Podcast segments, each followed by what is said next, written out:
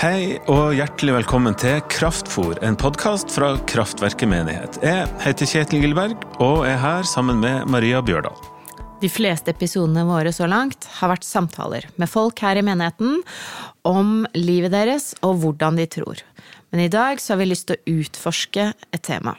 Ja, og det temaet det er forkynnelse. Det er jo noe som har stor plass i mange kirker, og det er noe vi to bruker ganske mye tid på i jobben vår. Og forkynnelse det er jo et litt merkelig ord, Maria. Hva, vil, du, hva, hva vil du legge i det ordet? Nei, det, Forkynnelse tenker jeg på som bare formidling av et budskap. Noe du har på hjertet, noe du vil si. Det kan være så utrolig mye i samfunnet og i kirka, men i dag så tenker jeg at det er prekenen spesielt vi vil snakke om. Ja. De der minuttene der man står og snakker til menigheten. Ja, den en og en halv timen vi holder på. De minuttene vi snakker til menigheten, hva, hva, tenker du da? Eh, når du hører en preken, hva er det som gjør at den er god? Hva kjennetegner en god preken? Jeg synes, jeg har hørt utrolig mye forkynnelse gjennom livet. Jeg sliter med å finne ett kjennetegn som eh, er sånn dette Sånn er alle gode prekener. Mm. Det etterlater jo noe godt hos meg. Og det eh, åpner sinnet, hjertet, meg for Gud og verden på en eller annen måte. Men så noen ganger så er det jo faktisk ikke sånn òg. noen ganger kan en god prøken gjøre litt vondt, men det skal jo ikke gjøre så vondt at man blir skada. Nei. Nei det, jeg syns det er vanskelig med kjennetegn, men, men det, det jeg faktisk er veldig nysgjerrig på, det er hvordan forhold du har til forkynnelse. fordi lenge før vi begynte å jobbe sammen, så, så oppfatta jo jeg at du var en fyr som jobba grundig med prekenene dine. Eh, og som også veldig mange satte pris på forkynnelsen til. Og jeg hørte et par prekener av deg og bare syntes det var veldig godt å høre på deg, og spennende. Men, men hvordan har det vært for deg å høre på forkynnelse? Hva, hva slags forhold har du til det selv, da? Ja, jeg har, jeg har jo vokst opp i kirka. Eh, og snorka meg gjennom forkynnelsen eh, fram til jeg ble voksen, tror jeg vel jeg kan si. Ja.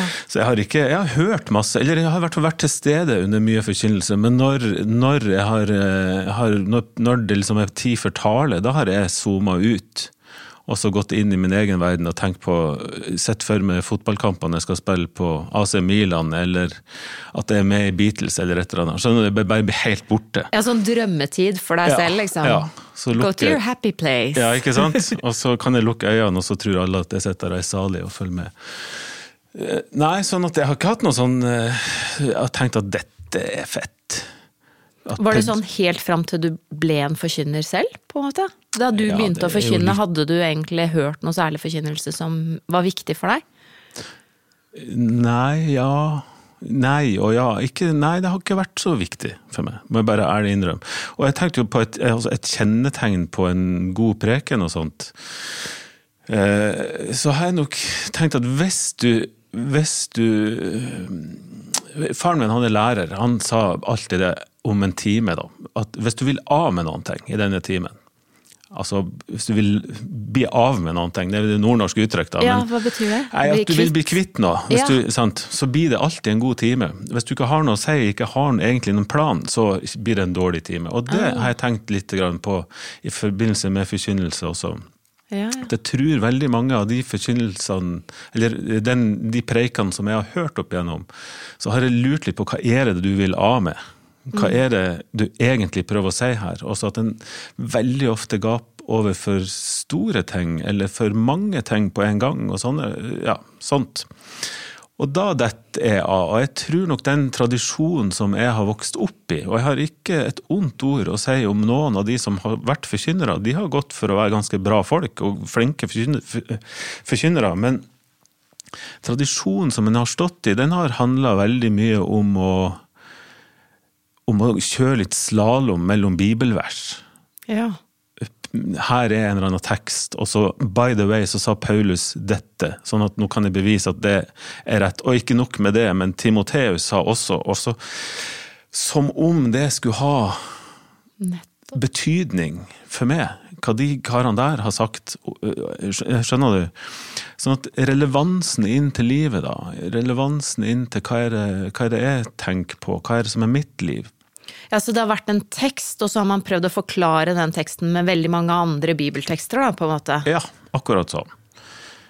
Har, og det syns du var uinteressant? Ja, jeg syns det var helt bortkasta tid. For meg var det det i oppveksten, og jeg syns kanskje det er ganske kjedelig fortsatt. Men det, en, det må jeg bare ærlig innrømme. At det syns jeg er en utrolig kjedelig måte å holde på Men det, Jeg har jo digga som forkynnelse. Har du? Ja.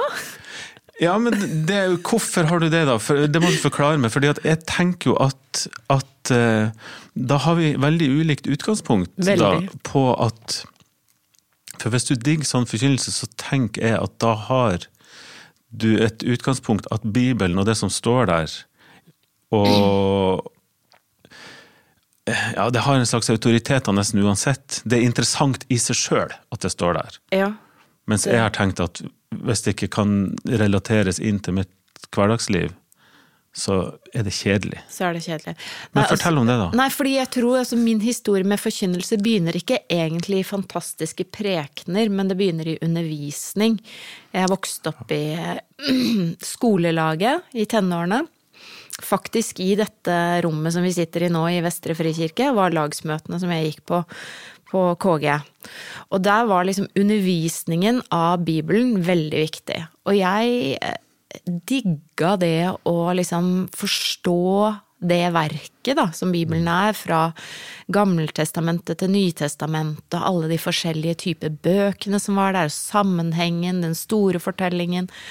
Det syns jeg var skikkelig stas. Og det henger sikkert sammen med at jeg har hørt masse sånn søndagsskolefortellinger, fortellingene om Jesus med flanellografen det var enda mindre, men da jeg var i tenårene, så vil jeg si at mitt store sånn trosgjennombrudd kom gjennom liksom at Bibelen ble forklart for meg, og akkurat det som du syns er superkjedelig, da. Mm -hmm. At en eh, prekentekst forklares i sammenheng med de andre tekstene i Bibelen, mm. som belyser det, og her snakker de om det samme. Ikke sant? Paulus snakker om dette konseptet her, om blod, og det ser vi i andre Mosebok. Det syns ja. jeg var kjempespennende. Ja. Så, og det henger sammen med Jesu død. Og da liksom var det sånn wow! Det var stas for meg, da. Ja. Så heldig du er. Jeg vet ikke. jo, det vil jeg nok påstå. Noe, jeg, jeg, vet jo at det var mange av oss som var sånn, som syntes det var spennende. Mm. Men så kom det jo til en grense, liksom. Ok, nå er alt det Hva hjelper det meg med når jeg er uh, 16 år og har lyst ja. til å forelske meg, eller lurer på hva jeg skal bli, eller sliter med krangling med venninner, eller ja, er deppa, ikke sant. Mm. Det var ikke så mye men, hjelp i det. Men eh, det du sier der, er jo Altså, jeg òg kan jo kunne nok på et eller annet tidspunkt, i hvert fall, og i hvert fall i dag, da, en god, seriøs bibeltime. Nerding. Oh yes. Det vil jeg gjerne ha. Mm. Men ikke på søndag formiddag.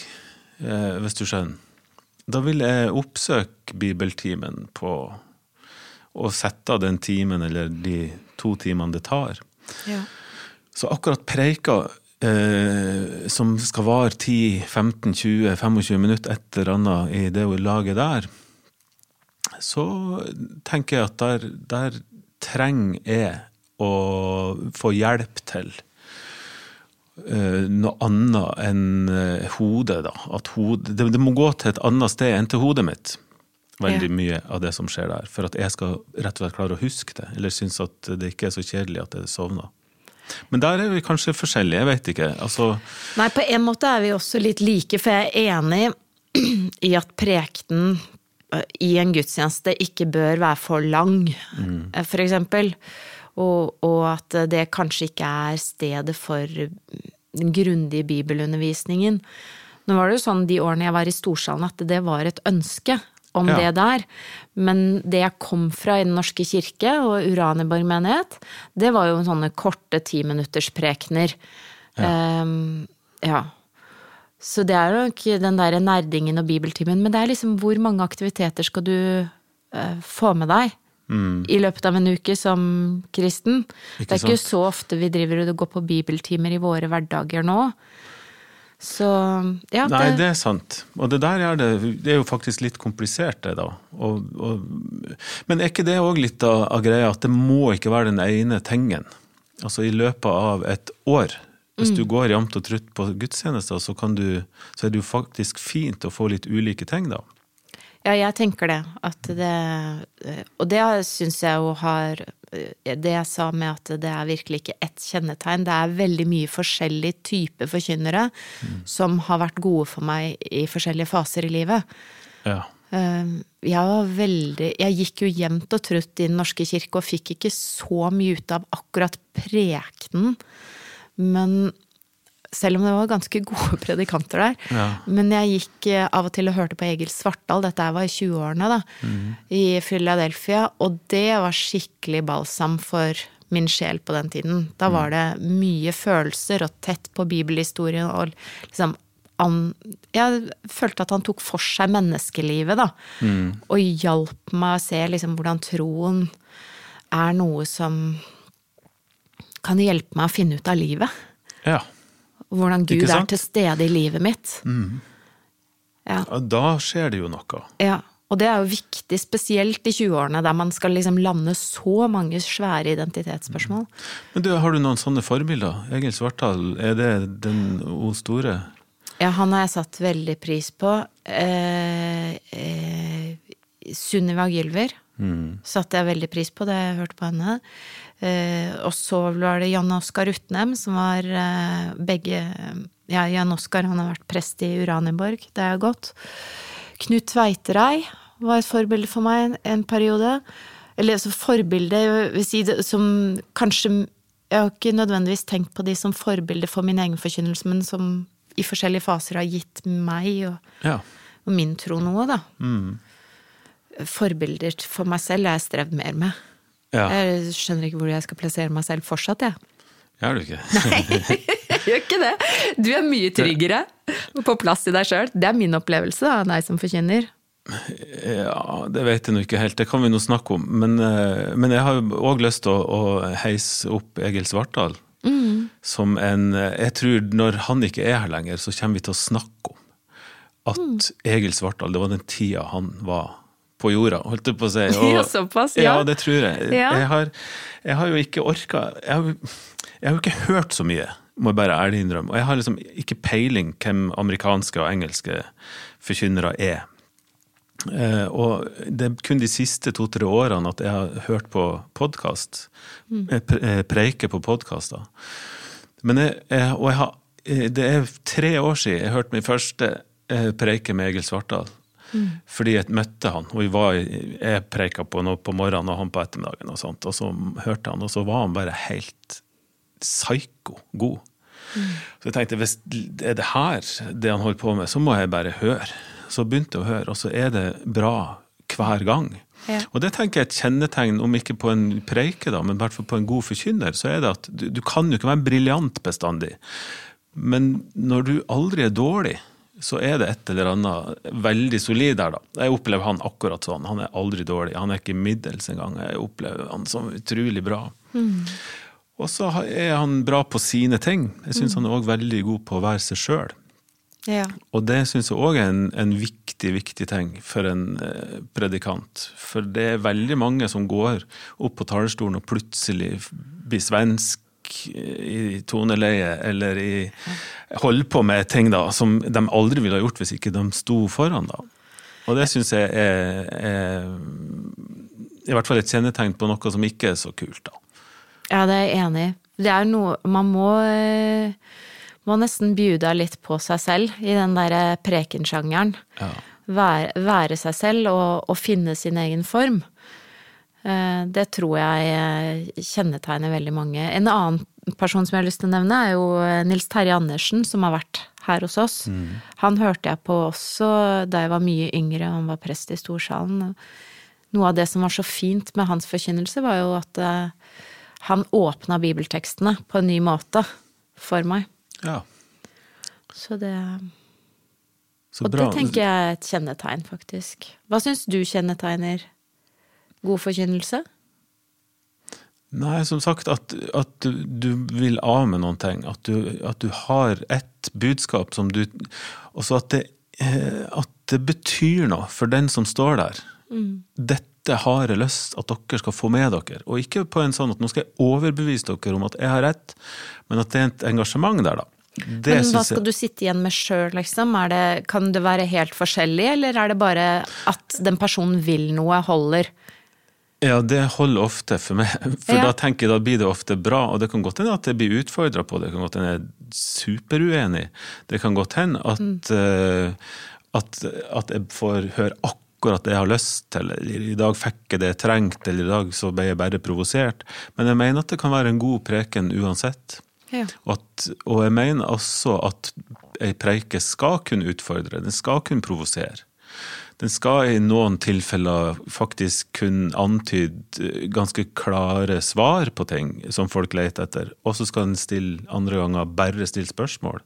Altså sånn at Jeg er veldig enig med deg i at det finnes liksom ikke en sånn mal på at ei preke skal inn i denne formen, så blir det, så blir det bra hver gang.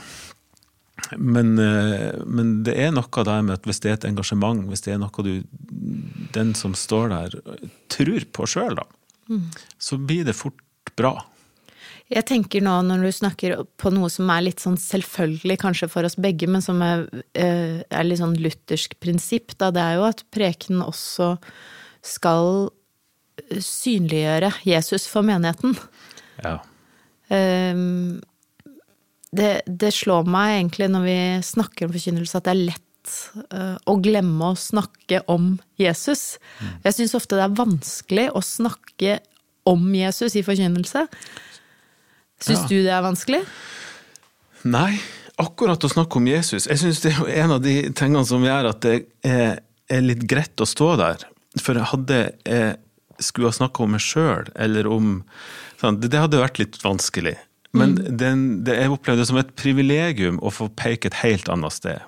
Og mm. nemlig å peke på Jesus er syns jeg er egentlig en selvfølge, og det, det gjør prøver vi jo i alle preiker. Men det som er utfordrende, det er jo at En ting er sjangeren, men kirkas budskap, da. Det har vært der i 2000 år så har vi snakka om de store tingene. Vi har snakka om meninga med livet, og vi har snakka om kjærlighet og om nåde og tilgivelse og alle disse store tingene.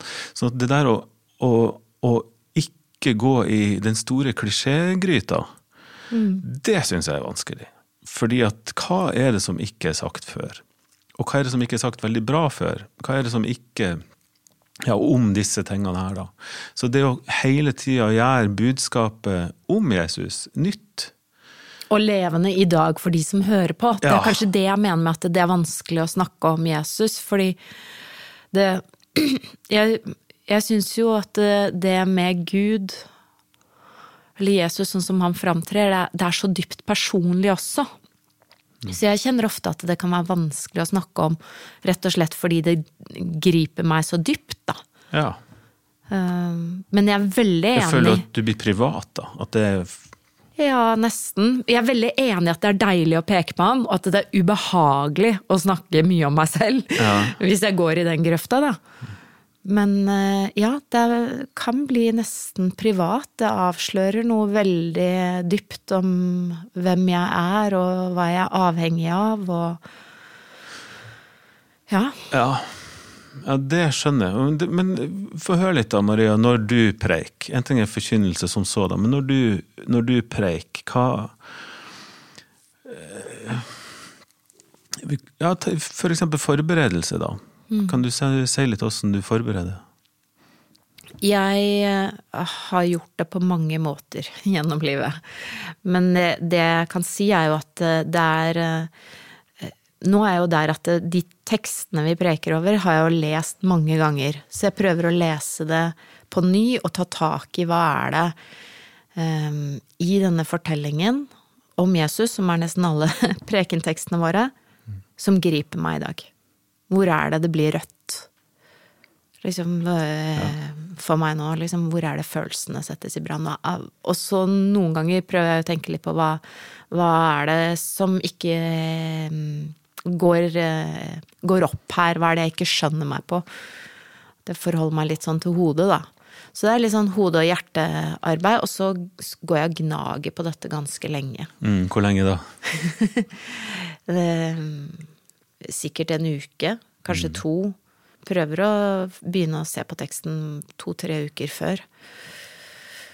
Noen ganger så blir det jo bare en uke før, og så tar det litt tid for selve skrivearbeidet mm. kommer i gang, da. Og så har det jo variert veldig hvordan skrivearbeidet er. Ja, for skriver du bestandig? Nei, jeg gjør jo ikke det. Jeg tegner av og til. Er du? Ja, Og så skriver jeg stikkord. Altså, jeg skriver ikke manus som du kan lese. Nei. Du har kanskje sett noen av de der kladdebøkene mine noen ganger. Der er det mye tegning og, og en frase eller tre-fire ord eller begrep her, eller ja. Som skal minne meg om noe, da, som er inni mm. hodet mitt. Ja. Mm. Og så tar du med deg den kladdeboka på talerstolen. Det har skjedd, ja. Eller det skjer ofte. Akkurat nå er jeg jo litt sånn krise, da. Ja. På hvordan skal jeg preke, fordi jeg syns det er vanskelig når jeg er på et nytt sted og ikke kjenner eh, menigheten så godt ennå. Mm. Det er en prosess, da, å bli kjent. Jeg har vært her et år.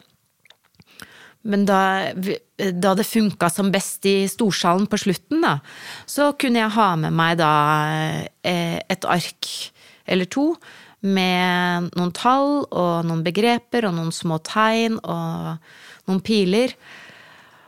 Og så visste jeg hvor eh, de forskjellige stasjonene i prekenen var, og gjerne hadde et spørsmål som er sånn Hva kan vi håpe på?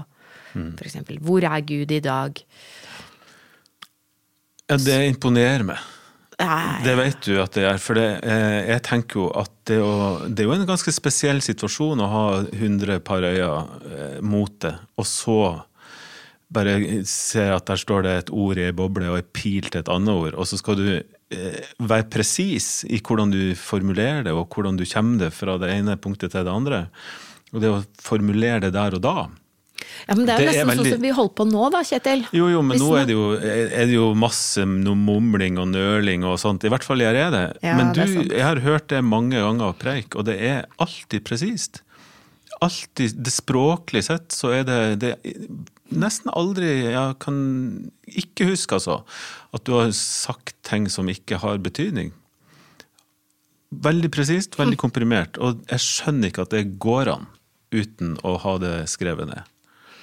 Nei, det er Altså, jeg, øh, jeg syns jo at det er eh, vanskelig når jeg ikke kjenner folk så godt, men det er jo det er en form som funker optimalt når man vel, kjenner folka veldig godt og er veldig trygg i seg selv og vet akkurat hva de tegnene på arket betyr, da. Ja, ja. Og så syns jo jeg at det er ganger jeg ikke har fått til det så godt, og krasjlandet på slutten av en preken, det mm. føler jeg har skjedd noen ganger, altså. At jeg bare åh, hvordan skal jeg avslutte dette her? For det kommer noe fra salen og i meg selv ja. som jeg bare ikke vet hvordan jeg skal lande så godt som jeg hadde tenkt. Nei. Men du har jo en helt annen stil som jeg syns funker som en kule, og du har jo manus. Som er ganske ja. gjennomarbeida, har du ikke det? Eller kan jo, ikke du fortelle jeg... om din arbeidsprosess? Ja, jeg har uh den uvanen at det ikke starter to-tre uker i forkant, sånn som du. Men jeg har også preika veldig mye, av og til to og tre og fire og fem søndager på rad opp igjennom. Mm. Sånn at jeg har ikke hatt overskudd annet enn bare nå må vi prøve å overleve til neste søndag. Og så har jeg preika, og så har jeg kommet hjem. På vei hjem har jeg kjøpt sushi, og så sitter jeg på søndagskvelden, og så tenker jeg åh, overlevde i dag også, og så kommer jeg på hjelp, jeg skal preke neste søndag. Og da aner ikke jeg hva teksten er. Men da, er, da starter ofte der, da, med panikk. På søndag, på søndag kveld, etter ja. du er ferdig, ja, og ser på da, ny tekst ja, om en uke? Ja, da kommer jeg hjem og spiser sushi og sett litt fotball og, og, og herjer med ungene og sånt. Og så, og så, får jeg helt panikk, for jeg vet at jeg har ingenting å si. Det er tomt. Mm. Brønnen er tom. Sånn oppleves det. Og jeg har ofte havna i fosterstilling der og da. Og så er det noe som er veldig fint med det, fordi at fordi at den, En av de beste tingene med å preike, da, det er at du er nødt til å koble det på Gud. Og for meg har, har den, det der at jeg må, jeg må skal levere om ei uke, jeg må inn i denne teksten, jeg må inn i dette her, så, så er det faktisk eh, sånn at jeg går Det høres så fromt ut, men det er i panikk. Så går jeg til Gud og sier ok, hvis ikke du fikser dette, så blir det ikke noe. Mm. Eh, og så leser jeg tekst, og av og til så også ser jeg akkurat sånn som du, hva er det som stikker ut, hva er det som treffer meg her? Og alt annet er helt eh, Der er nok jeg veldig eh, kanskje utradisjonell på det, for at hvis det er et eller annet som stikker ut, så går jeg dit med en gang, og alt annet blir borte. Jeg kan utelate eh, alt det andre og si at mm. dette er på, det er dette som er poenget. Mm. Jeg vil ha ett poeng. For jeg har et kvarter på meg her, og da, jeg, da vil jeg ikke ha to poeng, jeg vil ha ett poeng. Mm. Og det kan Akkurat det bruker ikke å ta så lang tid før det poenget liksom, I dag skal det handle om dette. Eh, men, men eh, av og til er det òg helt tomt etter et par dager at jeg skjønner ikke hva det er. Jeg syns ingenting som er kult med denne teksten. Mm. Det er ingenting som berører meg. Sånn kan det jo være.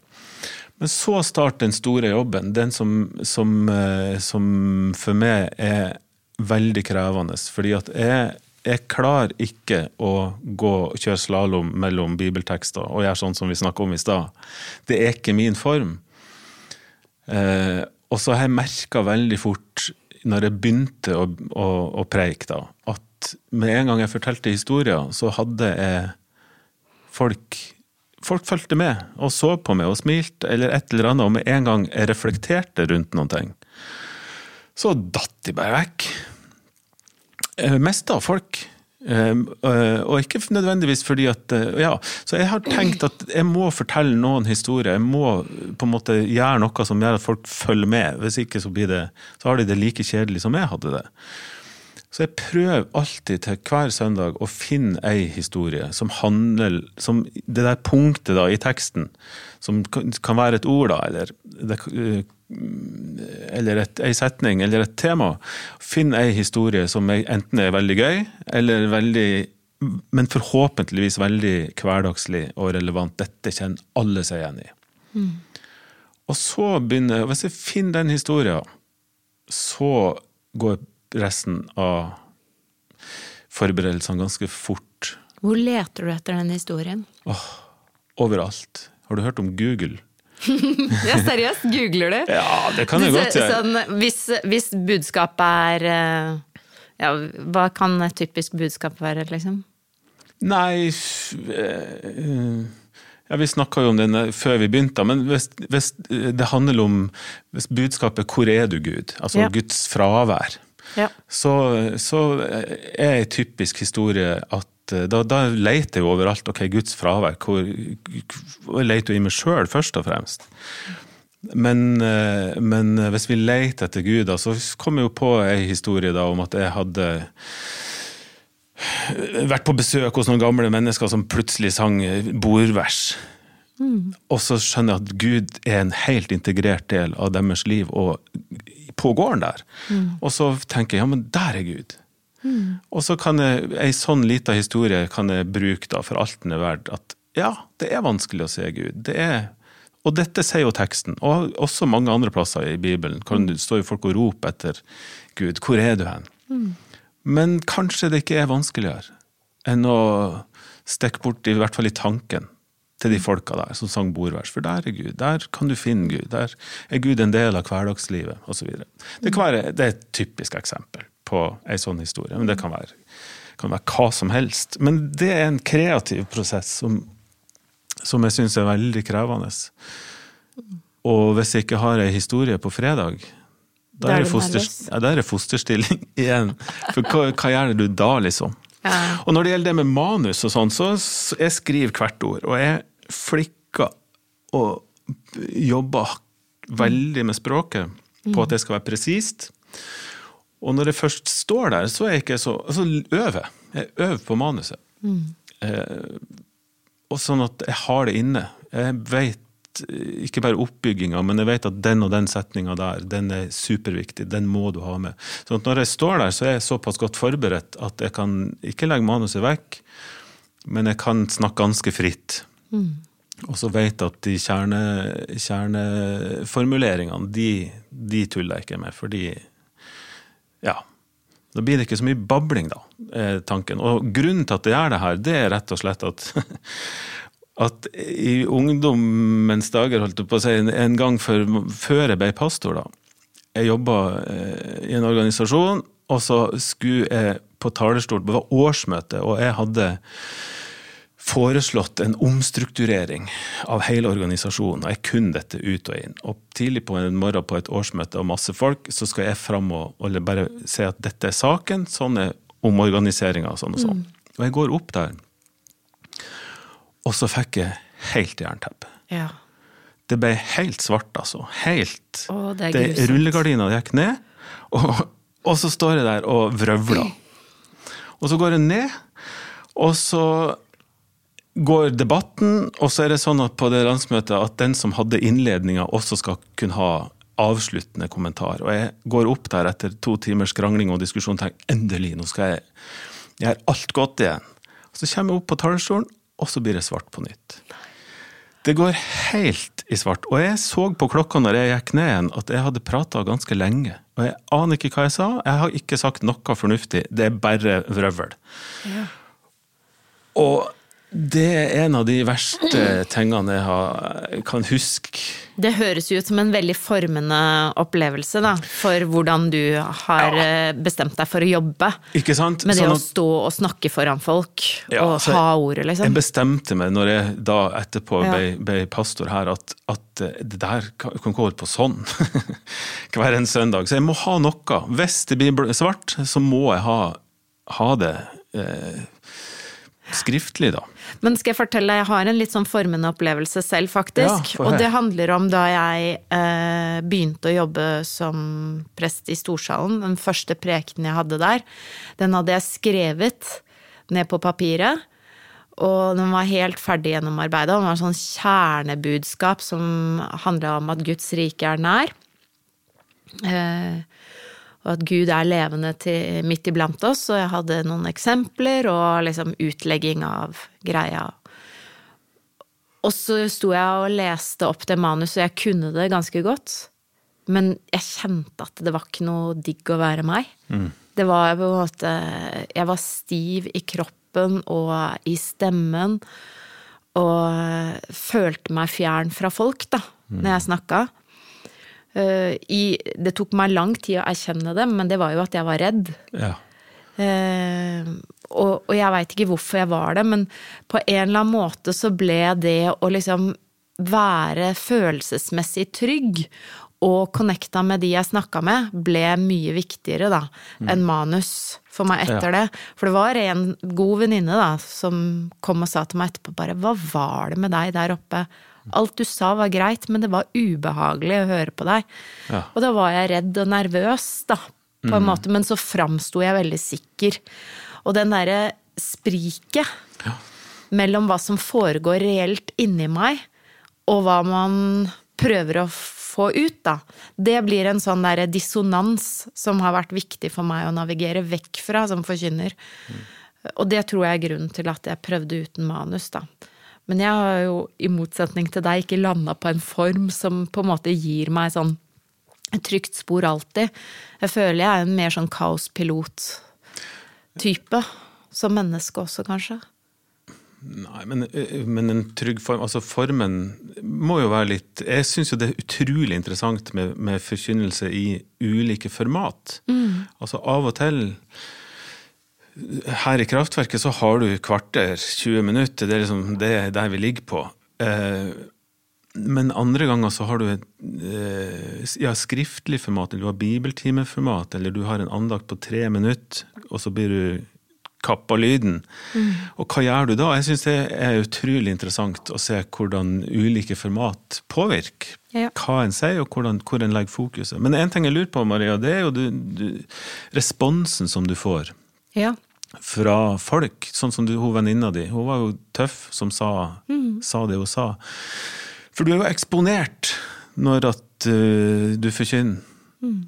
Og folk er synlige, og du Ja, hva, hvor mye betyr det at du får respons, og hva Hvor mye vektlegger du respons? Nei, altså det er en sånn overfladisk type betydning der, som er sånn øh, Føler jeg at folk liker meg, eller? Mm -hmm. som er øh, viktig umiddelbart. Øh, og som på en måte bør nedjusteres, ikke sant. Mm. Fordi det er ikke primært en bekreftelse av meg som menneske dette handler om. Det handler om å avdekke hvem er Jesus midt iblant oss. Mm. Uh, og når jeg liksom får rydda bort den der ego-greia, og liksom får tenkt litt over det, så er jo den responsen viktig. Men den mm. viser seg ikke alltid, syns jeg, så fort rett etter. Den kan på en måte, når man er i et fellesskap og forkynner over lang tid, ikke sant, vise mer sånn eh, Klarer vi å, å um, åpne oss for Gud i større grad her? Mm. Eh, tar jeg bort stengslene rundt Jesus? For de menneskene som hører på. Eh, og den type respons er jo ikke sånn helt umiddelbar, men eh, på sikt så ser man den litt. Mm. Og den, den, er kjempeviktig. Ja. Gir det mening? Hvordan ja. forhold har du til respons? Jeg driter nå stort sett i det. Gjør du det? nei, er du gæren? eh, eh, nei, ja og nei, faktisk. Fordi at det, å bli evaluert, og det å, eh, å, ja, bli evaluert over tid, det tror jeg er kjempeviktig for å ikke stagnere og ikke sånn. Eh, men, men, jeg tror det var når vi møttes første gang for 100 år siden, at vi var talere på Skjærgårds. Mm. Altså denne festivalen. Og, og jeg husker da var jeg inne i et telt der. Det høres ut som et lite telt, men det var et stort telt. Det var 1500 mennesker eller noe sånt. Og så hadde jeg forberedt meg noe sinnssykt. Og så gikk jeg opp på scenen og leverte det jeg hadde tenkt, og så gikk jeg av scenen. Og så gikk jeg ut av teltet. Og så begynte jeg å spille lovsang eller et eller annet. Og så plutselig får jeg en frisbee i magen. Og helt sånn eh, helt svett og god og har Ja, og veldig, veldig bobla, da. Og da er det ei lita jente som bare pælma en frisbee. Og vi ble stående og kaste frisbee, jeg og hun. Mm. Tiåring eller noe sånt. Og så tenker jeg dette var deilig. Nå er jeg ferdig. Det er ikke mitt lenger. Det som er inni teltet der, de ordene som jeg har sagt, de, de er overgitt til noen andre, til publikum, tilhørerne, og til Gud. Mm. Sånn at uansett hva som skjer, så om det er bra eller ondt, så går jeg videre herifra. Skjønner ja. du? Så, og den, den historien har jeg tatt med meg mange ganger, fordi at man blir veldig fort avhengig av det der klappet på skuldra, det du snakker om, den der mm. aksepten. 'Det var bra i dag', eller hvis du syns du har virkelig gjort det dårlig, og det syns jeg ganske ofte, så er det utrolig deilig hvis noen sier at dette fikk jeg noe ut av. Men jeg prøver å minne meg på at det er ekstremt viktig å ikke Ja, hvorvidt det land, hva som skjer, hva, hvilken betydning det har, det er utafor min kontroll uansett. Jeg må bare gjøre mitt beste ja. og, og, gi det videre. Men igjen så må jeg si at evaluering, det å ha trygge rom der en snakker om min forkynnelse, din forkynnelse, hvordan funker dette her over tid, det er viktig. Og, og, nå har du holdt på med denne formen i 100 år, det er kanskje på tide å prøve å tøye grensene litt. Eller Og jeg tror alle forkynnere har noen tyngdepunkt som vi sliter så med å komme ut av ja. og som påvirker menigheter. Altså, eh, jeg tror en har, og det er mange måter å si de tyngdepunktene på, men, men eh, Knut Tveitereid, som du nevnte her, har jo skrevet en bok hvor, hvor, han sier at alle kristne har et tyngdepunkt. Enten så er det på, på eh, Jesus i Galilea, altså Jesus i hverdagen, da. Eller så er det Jesus som frelser, Jesus i Jerusalem. Eller så er det Jesus, eller Gud da, som til stede overalt, Den hellige ånd. Og jeg tror jo det der du, Det er veldig veldig fort når du har preika 300 ganger, så har du veldig ofte holdt det på et av disse tyngdepunktene. da. Mm. Og at Gud enten er bare god, eller Gud er dommer. Mm. Eller at vi preiker synd og omvendelse, eller at vi preiker Skjønner du? At vi kommer inn i, i veldig Går inn i et sånt skjema som du repeterer gang på gang. Ja, og jeg tror at det gjør alle sammen. Ja, Ut ifra hvor en står sjøl. Mm. Jeg tror at, at, vi blir påvirka av det. Mm. Eller at talene våre da blir påvirka av hvor vi, mm. hvordan vi lever sjøl, og hvor vi står sjøl. Og det former faktisk eh, menigheter vi preker til. Ja. I mye større grad enn vi tror. Tror nå jeg. Så dermed tenker jeg at det der med å ha variasjon, det å ha ulike stemmer, få inn folk utenfra, få inn helt andre typer forkynnelse, det å, å, lage et bredt bilde av Gud, da, det mm. er en ting som er kjempeviktig mm. for alle menigheter. Ja, det, det syns jeg er veldig deilig med å ha blitt litt gammel. At da jeg var yngre, så trodde jeg det liksom var én forkynner og forkynnelse som hadde det rette rette budskapet som pekte på Gud, mens nå ser jeg på en måte helt annerledes på det. Mm. At Gud viser seg i alt og alle.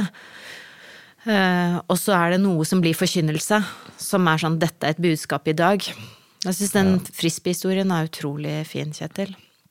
Ja, den er til god hjelp, i hvert fall. Mm. Fordi at man blir sjølopptatt. Ja. Du står der, og, og, og, det som du sier, hvis vi skal snakke om følelsene våre her, da, så er det, er det ekstremt du, Vi peker et annet sted, vi peker på Jesus, vi peker på alt det der, men det som du sier, det er ekstremt personlig. Mm. Det er ikke privat, men det er veldig personlig. Og, og, eh, så mye som vi går og gnikker og gnur på tematikken gjennom uka, og, mm. og sånn, vi lever jo med dette her. Veldig og gjøre det til vårt, og så skal du da stå foran en masse mennesker og si ting som du vet blir vurdert og evaluert, og snakke om på trappa og på vei hjem. Så, så, det er en veldig sårbar situasjon, egentlig. Så, så jeg tenker at det, det er krevende. Ja, og det er Og hvis vi går tilbake til der vi starter starta på hva er det som kjennetegner god forkynnelse, i hvert fall det som kjennetegner dårlig forkynnelse, det er at predikanten eh, tar lett på det. Og er uforberedt og syns dette er liksom det enkleste i verden å holde på med. Da, det har jeg sett noen ganger. At en ikke har respekt nesten for å stå der. Da blir sur. ja, men det, det, tenker jeg Noen ganger er det faktisk lettere å si noe hva som kjennetegner dårlig forkynnelse, mer enn hva som kjennetegner god. Ja. For det er eh... Men hva, hvis du skal eh, når, En dag så, så, er vi ferdig med, ja. med dette vi holder på med, da, Maria. Hva du kommer til å savne mest når, med å være forkynner, når du ikke er det lenger? Tror du? Jeg tror det er to ting, jeg. Ja. Det ene er eh, forberedelsesprosessen.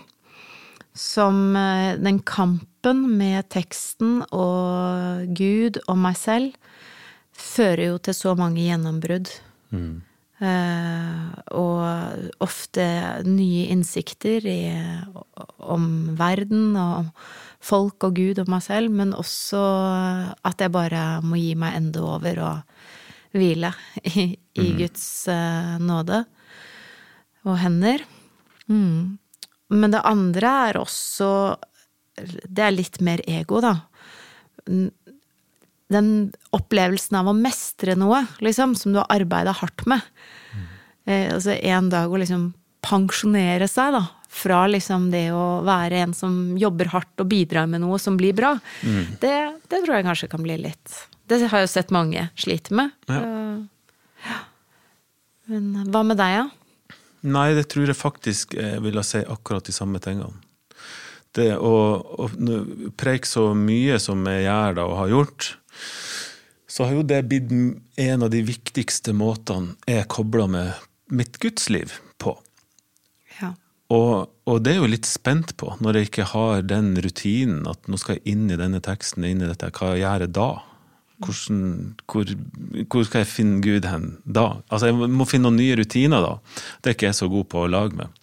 Mm. Så, så, det er jeg veldig spent på når jeg er ferdig med dette. Hvor kanskje blir sittende og lage andakter for skrivebordet eller noe sånt. Bare for å holde, ja, holde truslivet i gang. Ja, du skriver en andakt i uka for å ha kontakt med Gud. ja, sant. Det kan jo hende. Jeg vet ikke. Det er det ene. Og det andre er jo selvfølgelig Du brukte ordet å mestre, og jeg tenker jo at det å å, eh, være med på noen ting som er viktig, da. Det, det, oppleves jo som det. Eh, og du er en synlig del av det. Det kan godt hende at det framstår som mer ydmyk enn det egentlig er, fordi det er deilig å peke på noen andre, og det er en sårbar situasjon. Av og til så vil man bare gjemme seg. Men, men det er jo fantastisk privilegium å ha en plattform der det du faktisk brenner for, og det du mener, har et, eh, ja, kan komme ut, da. Mm. Sånn at, eh, og det tenker jeg, jeg tror jeg må være en, en en tung overgang for folk som har, har, hatt det, og plutselig ikke være viktig lenger. Og ikke det du har å si, det bryr vi oss ikke om lenger, for du har ikke noen mikrofon.